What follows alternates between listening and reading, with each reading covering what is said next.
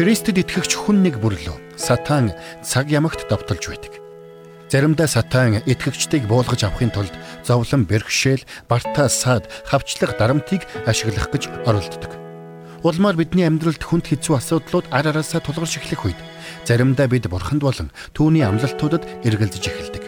Тийхүү бид эргэлзэж эхлэх үед бидний хамгаалалтын хамгийн ихний шугам нуран унж байдаг.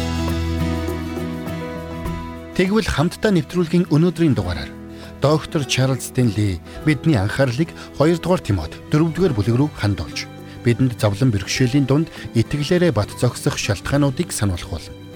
Бидний амьдралд эрт төрөө хизээ нэгэн цагт зовлон бэрхшээл тулгарх нь гарцаагүй. Тиймээс Христэд итгэгчид бидний хувьд Христийн сайн цэрэгт байх ёстой итгэлийг дотроо батжуулан бэхжүүлэх нь чухал юм. Ингээд доктор Стенли ярианд анхаарлаа хандуулцгаая.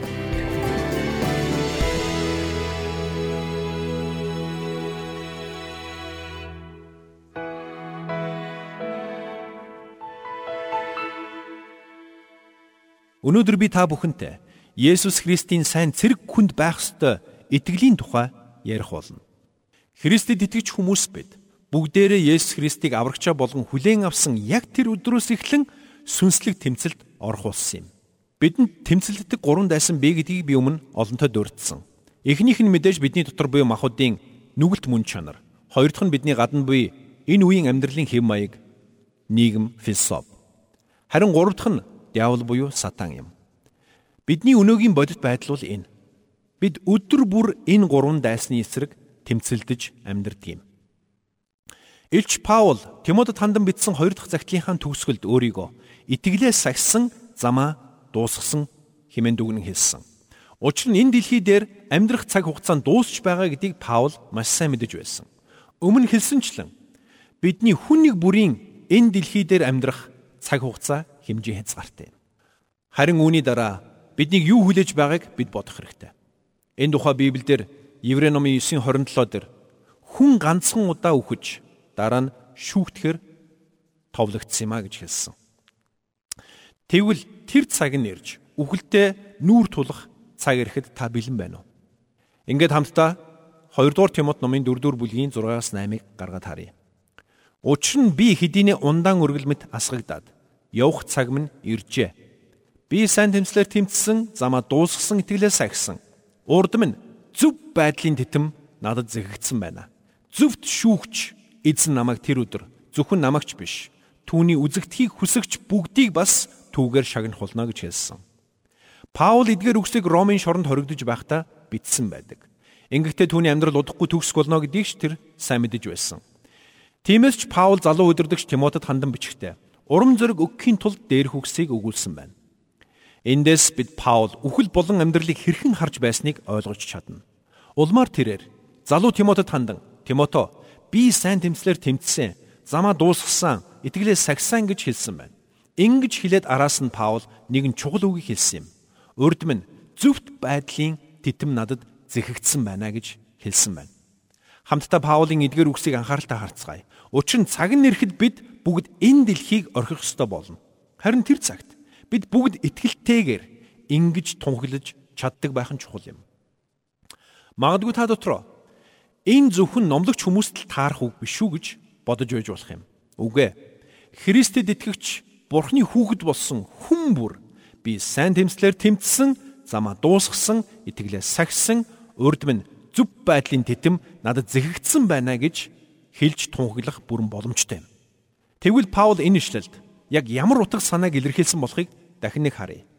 Паулын дөөрийгөө би сайн тэмцлэр тэмцсэн гэж хэлсэн байна. Тэгвэл энэ юу гэсэн үг вэ? Угтаа бол бидний итгэлийн амьдрал бүхэлдээ сүнслэг тэмцэл юм. Тиймээс ч Паул хэлэхдээ би сайн тэмцлэр тэмцсэн гэж хэлсэн. Үнэхээр бид өдөр бүр энэхүү сүнслэг тэмцлийг хийж байдаг. Энэ нь та бид өглөөс ирээд орноосоо босохдоо л диаволын дайралтын бай болж байдаг гэсэн үг юм. Бүхэл өдрийн туршид бид энэ сүнслэг дайралт дунд амьдардаг юм. Итгэлийн амьдрал маань зовлон бэрхшээл, хавчлаг дарамт, уруу татлагаар дүүрэн байдаг юм. Тэр утгаараа бидний итгэлийн амьдрал үнэхээр амаргүй. Тиймээс Паул итгэлийн амьдралынхаа талаар ярихдаа би сайн тэмцлэр тэмцсэн юм а гэж хэлэх нь зүй ёсны хэрэг байсан юм. Паулинд өөрийнхөө итгэлийн амьдралыг эргэн харахтаа би итгэлээ сагсан гэж мөн хэлсэн. Тэгвэл итгэлээс агсан гэж хэлэхдээ Паул яг юуны тухай өгүүлсэн юм бэ? Паул энд хоёр чухал санааг өгүүлсэн гэж би бодож байна. Юуны төрөнд итгэл гэдэг нь Христ итгэлийн он сургаалыг бүхэлд нь нэрлсэн нэршил юм. Үүнд Есүс Христээр дамжуулан илчлэгдсэн Бурхны бүх үнэн багтана. Мөн ариун сүнсний ажлууд болон ариун сүнс гэж хэн болох тухай, Есүс Христ гэж хэн болох тухай бүх үнэн итгэл үнэмшил үүнд багтах юм аа. Бурхны гурвлын тухай, болон авралын тухай, тамийн тухай, мөнхийн улсын тухай, итгэлийн тухай, золилтын тухай гэд бүхий л чухал ойлголтууд энд бүгд багтана. Тэгвэл Паул бүхэл амьдралынхаа туршид эдгээр үннийг баримталж эдгээр он сургаалуудыг зааж хуваалцаж хамгаалж эдгээрийн эсрэг ирсэн аливаа дайралттай тэмцэж ирсэн гэсэн үг юм. Тийм ч учраас Паул итгэлтэйгэр би итгэлээ сагсан гэж хэлсэн юм. Харин одоо миний хэлэх үгийг та анхааралтай сайн сонсоорой. Таны юунд итгэж найддаг вэ гэдэг чинь таны амьдралд нөлөөлөх, таны амьдралын хамгийн чухал хүчин зүйл байх болно. Учир нь таны итгэл үнэмшил таны бодол санаа үйлдэлийг чинь чиглүүлж байдаг юм. Бидний зан чанарч тэр бидний итгэл үнэмшлийн илрэл юм. Бидний үг яриа үйлдэлч мөн бидний итгэл үнэмшлийн илрэл юм. Магадгүй та дотроо би тэр бүр итгэл үнэмшлийнхээ дагуу үйлдэж чаддгүй шүү дээ гэж бодож байж болох юм. Тэгвэл би танд хэлье. Та гарцаагүй итгэл үнэмшлийнхээ дагуу үйлддэг юм. Жишээ нь та гим нүгэл үйлдчихээд үүнийгээ тоохгүй явж байгаа бол үүгээрээ би бурхны эсрэг нүгэл үлдчихэд үр дагаврыг нь амсахгүй өнгөрч болно гэдэгт итгэж байна гэж хэлж байгаатай адил юм. Үнэн дээр бидний үйлдэл бүхэн бидний итгэл үнэмшлийн системийн үр дагавар юм. Алдаа дутагдaltaй байна уу, зөв шудраг байна уу? Ялгаагүй бидний үйлдэл бүр бидний итгэл үнэмшлийн үр дагавар юм. Тэгвэл Илч Паул итгэлээ сагсан гэсэн. Сагсан гэж хэлэхдээ ямар санааг илэрхийлсэн юм бэ? Би өөрийн итгэдэг зүйлээ сагсан, хамгаалсан, санаа тавьсан, үүний төлөө тэмцсэн гэдгээ хэлсэн байна. Үнэхээр Христэд итгэж бидний хувьд итгэлээ сахин амьдрахын тулд хинд итгэсэн гэдгээ, яагаад итгэсэн гэдгээ гүнээ ухамсарсан байх нь чухал юм. Тэрнээс биш аав минь ингэж заасан, ээж маань ингэж итгэдэг байсан гэдэг хангалтгүй юм. Учир нь аав ээжийн чинь загсан зүйлд ч алдаа мадаг байж болно шүү дээ. Бидний хувьд өөрсдийн итгэлийг Бурхны үгэнд суйрлуулах нь чухал юм. Тэгвэл Бурхны үг бидэнд юу гэж хэлдэг вэ? Эфес номын 6 дугаар бүлгийн 14-ийг харах юм бол та нар бэлхүүсээрээ үннийг бүслэж зөвхт байдлын хуйгийг өмсөж зогсгосон байдаг. Өөрөөр хэлбэл бид үннийг мэдж, үнэнд итгэж, үнэн дотор алхаж, үннийг хуваалцаж, үннийг хамгаалan амьдрах учиртай юм. Бурхны үгээс ирэх тэрл үнэн бидний амьдралын хэсэг нэг бүрийг өдөрдөн чиглүүлэх ёстой байдаг юм. Тийм учраас Паул энд итгэлээ сагсан гэж хэлсэн юм. Энд гарч буй итгэл Христ итгэлийн онол сургаал Бурхны үгээс ирэх үннийг бүгдийг нь нэгтгсэн ойлголт юм. За хоёрдугаарт бид энд гарч байгаа итгэл гэдэг үгийг Паулийн хувь хүний итгэл гэж ойлгох хэрэгтэй. Тэр Христ итгэлийн онол сургаалыг сахин хамгаалаад зогсохгүй мөн хувийн амьдралынхаа итгэлийг сахин хамгаалсан хүн юм. Түүний амьдралд ямар их зовлон бэрхшээл тулгарч байсныг бид мэднэ. Гэвч тэр бүх хүнд хүчээр дундч Паул энэ итгэлийг тууштайгаар бат сагсан юм. 2 дугаар Коринт номын 11 дугаар бүлгийн 25-аас 27-г харъя. Паул энэ итгэлийнхээ төлөө биеэрээ амссан зовлонг тоочин өгүүлэхдээ ийхүү хэлсэн байна. Намайг саваагаар гурамтай занчиж нэг удаа над руу чулуу шидцгэж байв.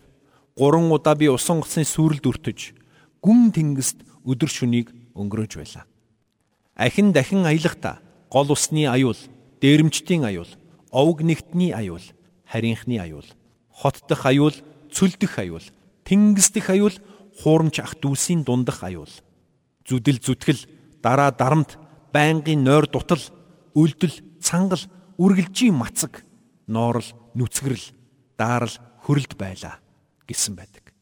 Гэсэн ч Паул энэ бүхнээс үл шалтгаалаад итгэлээ сахиж чадсан юм. Түүний итгэл огт говьж дайваагүй. Учир нь Дамаск явах зам дээр түүнтэй уулзсан Есүс Христ нь түүний итгэлийг даах эзэн гэдгийг тэр мэдэж байсан. Бид нэг зүйлийг санах хэрэгтэй. Итгэвч хүний дотор буй итгэл говьж дайван нурах юм бол тэр хүний амьдрал үүнийгээ дагаад нурж эхэлдэг юм. Учир нь бид бүгдээрээ их баг ямар нэгэн хэмжээгээр зовлон бэрхшээлийг туулж байдаг. Харин тэр бүх хүнд хэцүү асуудал донд бид итгэлээрээ бат зогсох нь биднийг амьдралаа нураалгүй зогсох нэгэн чухал түлхүүр болдгийм. Магадгүй та дотроо тэрч тийм л дээ. Гэхдээ миний амьдралд ямар хэцүү асуудал тохиолдсныг та мэдэхгүй штэ гэж бодож байж болох юм. Заримдаа надад ч бас ингэж гомдлмоор санагдах үе ирдэг.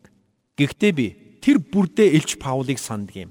Тэр энд хэлсэн үгсээрээ дамжуулаад би итгэлээс сагсан Христтэй харилцах харилцаагаа энэ тэргуунд тавьсан.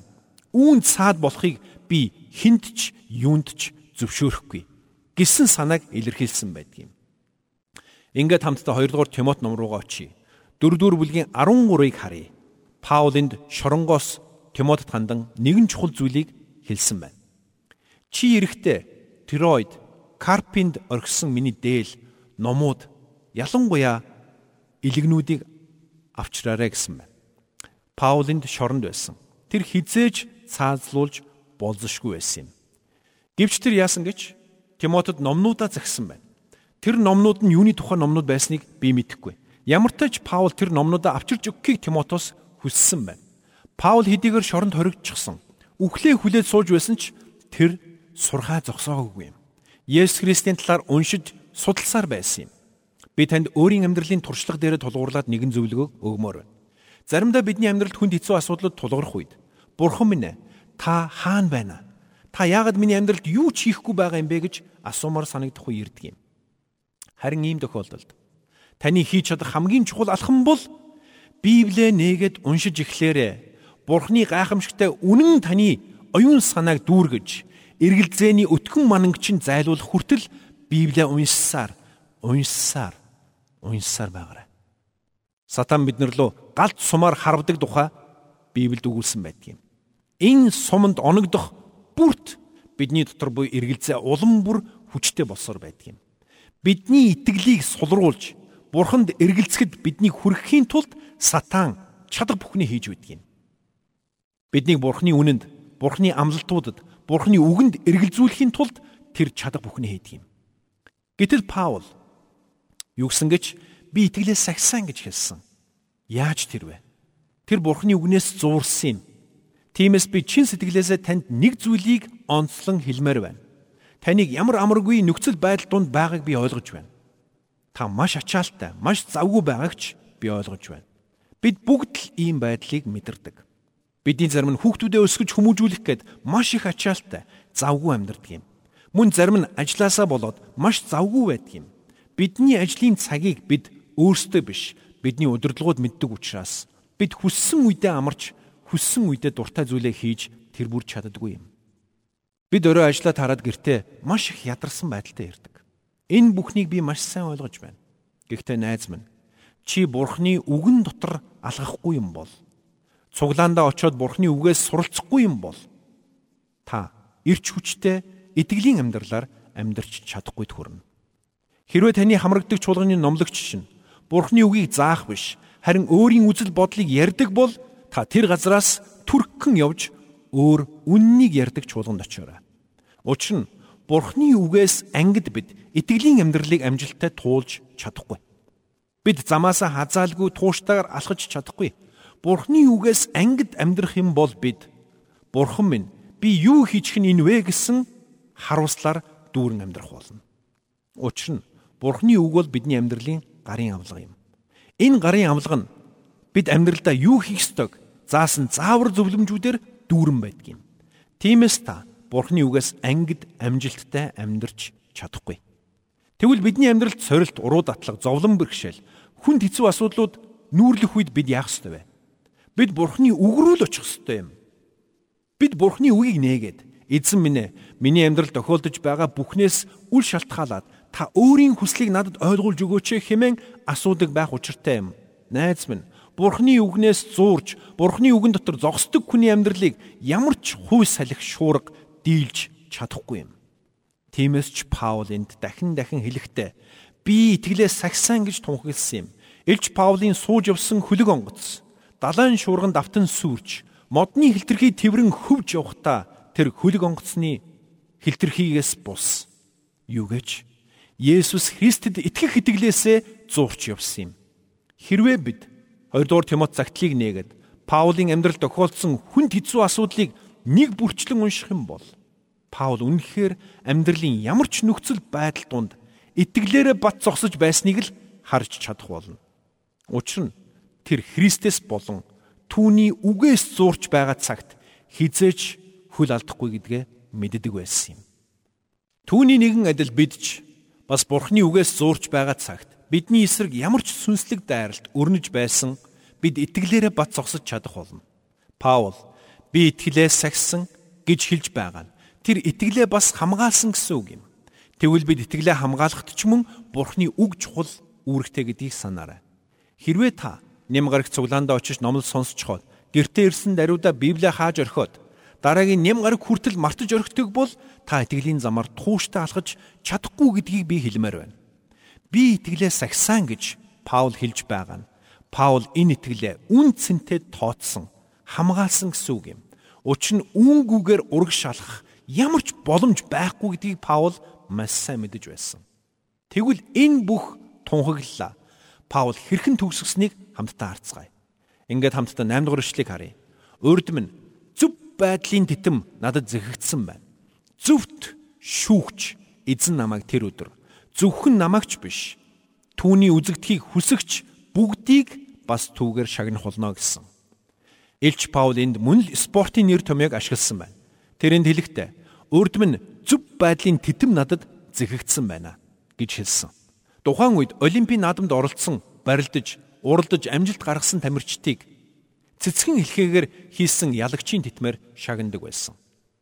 Ийм титмийг зүүн гэдэг нь тухайн үед хамгийн өндөр хүндэтгэл байсан юм. Гэтэл энэ титм нь цэцэг навч хэлхэж хийдэг байсан учраас хэд хоногийн дараа л гэхэд хатаж ганддаг байсан. Тэгвэл Паулын тэлэгтээ урдм нь зөв байдлын дитм надад зэгэгдсэн байна. Зөвхт шүүгч эзэн намайг тэр өдөр зөвхөн намаагч биш. Түүний үзэгдхийг хүсэн хүлээгч бүгдийг бас түүгээр тэр титмээр шагнах болно гэж хэлсэн юм. Гэхдээ юу гэж Бурхны энэ шагнал бол үл гандах шагнал юм. Тиймээс ч мөн Илч Петрийн тухай өгүүлэхдээ 1-р Петрийн 1-4 дээр инхүү бичсэн байдаг. Мөхөшгүй, бузартаагүй, алга болчихгүй бөгөөд та нарын төлөө тэнгэрт хадгалагдсан өв өөд дахин төрүүлсэн юм а гэж хэлсэн. Мөн 1-р Петрийн 5-4 дээр тэгээд тэрүүн хончинг гарч ирэхэд та нар алдрын гандашгүй титмийг хүлээн авах болно гэж хэлсэн юм. Олимпийн наадамд оролцож ялт байгуулсан тамирчид цэцгэн хэлхээ бүхий титмийг хүлээн аваад тэр нь хэсэг хугацааны дараа хатаж ганддаг байсан. Өөрөөр хэлбэл энэ бол энэ алдар хүндэтгэл нь түр зуурын суу алдар юм аа л гэсэн үг. Харин Бурханаас бидэнд өгөгдсөн тэр ялалтын дитэн бол Илч Петрийн хэлсэнчлэн гандашгүй дитэн юм.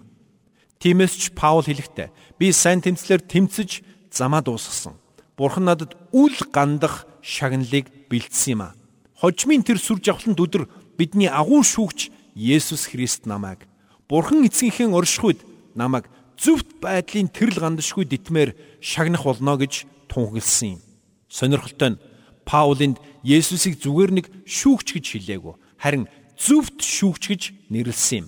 Өөрөөр хэлбэл Есүс Христ бол өөрийг нь шүүж буй Неро ханаас илүү агуу бөгөөд илүү зөвхт шудраг шүүгч байх болно гэдгийг Паул үгээрээ тунхагласан юм. Нерон хааны хувьд тэр Паулыг шударгаар шүүхийн оронд итгэлийнх нь улмаас хавчиж түүнийг цаазалсан байдаг. Харин Паулын тэлэгтээ хожим нь би Христийн сентиний өмнө зогсон шагнал хүртэхдээ энэ дэлхийн алдаа мадаггүй үнлэмжээр бус харин зөвхт шудраг шүүгч эзний шудраг үнлэмжээр үнэлэгдэж шагнагдах болно хэмээн тунхагласан байна. Учир нь Есүс Христ бол түүнийг анханаас нь таньж мэдсэн, түүнийг хамгийн шударгаар шүүж чадах цорын ганц зөвхт шүүгч юм. Та нэг зүйлийг санаарай. Анхандаа Паул Христийн чуулганыг хатуу ширүүнээр хавчигч нэгэн байсан.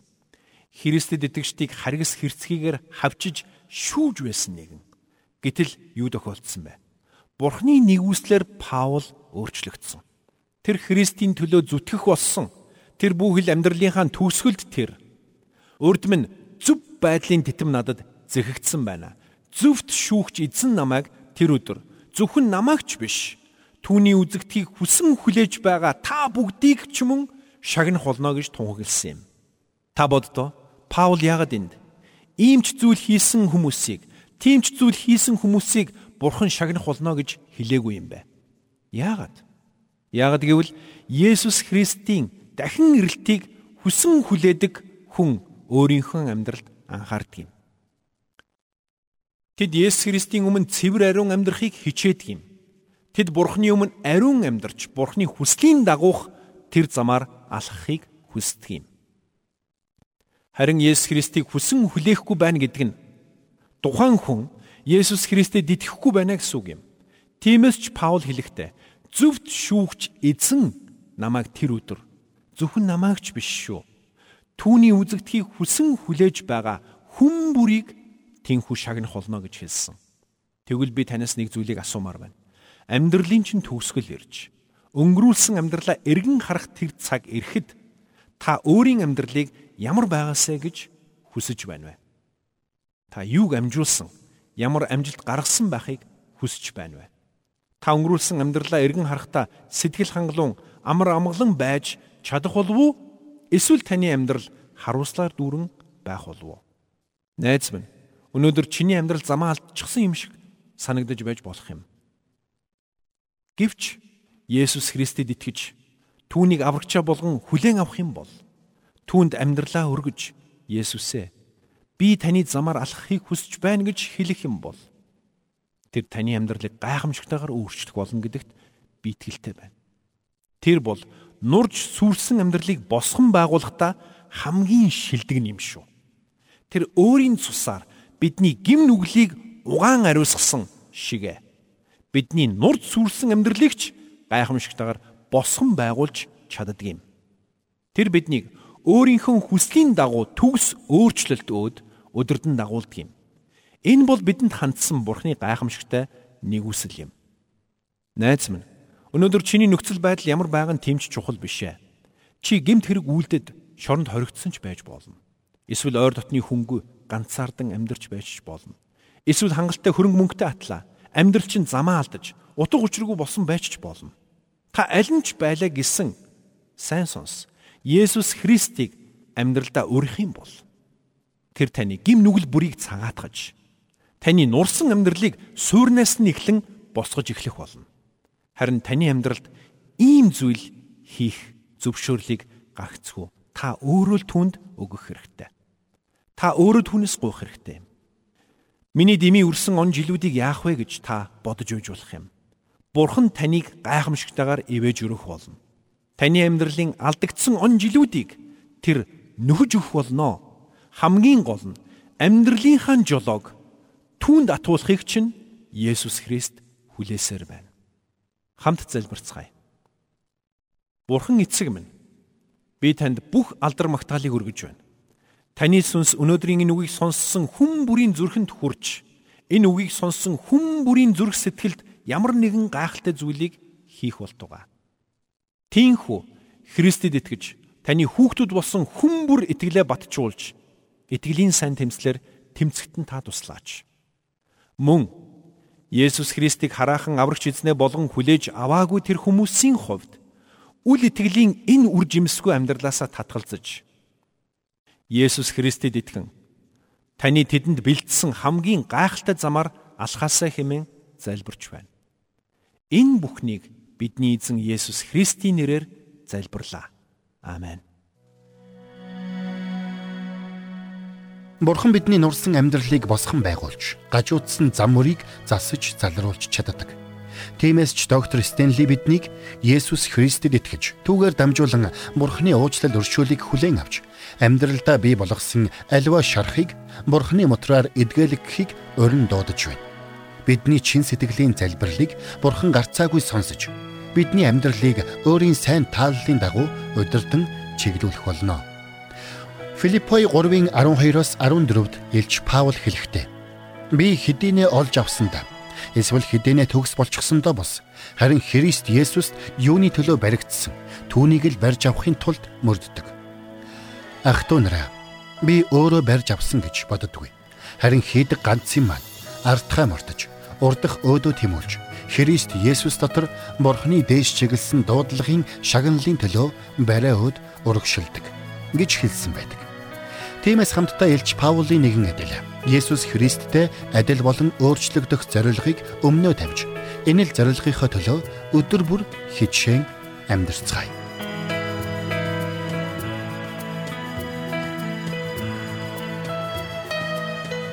Бурханд тэмүүлсэн сэтгэл хүмүүсийг энэрх зөрхөөр амьдрахад туслах номлогч доктор Чарлз Стенлигийн хамттай нэвтрүүлэг сонсогч танд хүрлээ. Нэвтрүүлгийг дахин сонсохыг хүсвэл ихтгэл радиоцик.com-оор зочлоорой. Бидэнтэй холбогдохыг хүсвэл 8085 99 тэгтэг дугаард хандаарай.